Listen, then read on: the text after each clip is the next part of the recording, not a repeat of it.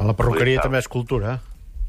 Des del meu punt de vista professional, sí, en cert modo és una cosa artesana, que és, un, un, bueno, és una feina, un ofici Sí. ancestral. També tinc el museu de perruqueria més important del món, Clar. o sigui, parlo a, a, a, sapiguent les causes.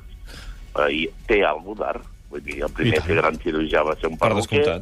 Mm. hi ha poetes, com el Jasmin, que han fet poesia, en fi, a França és reconegudíssim, i, i hi ha molt. Hi ha, hi ha una part artesana i l'artesà sempre té una miqueta l'ànima de de- d'artista. En la manifestació que vau fer ahir a Barcelona, els professionals del sector denunciàveu també l'intrusisme.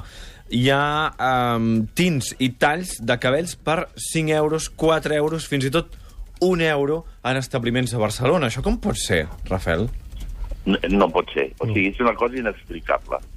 Perquè si un tint de preu de cost, almenys els tints europeus, eh, i puc dir marques, Vela, Sparkov, eh, L'Oreal, Revlon, vull dir, són tints que només preparar-los se'n van sobre 10 euros amb oxigenada. Vull dir, com poden donar aquests preus? Pues, aquí hi ha algun secret raro. Sous molt baixos, Mm. imagino... que Això per producte- descomptat, sí. sí, producte molt dolent, i, i bueno, però això no s'indaga. Vull dir, en canvi, el que es movem un perruquer que tens tres o quatre salons, vull dir, de seguida tens inspecció ràpida de laboral. I aquestes perruqueries, algunes de les que dius, no hi ha cap inspecció laboral mai. Ja no s'hi acosten.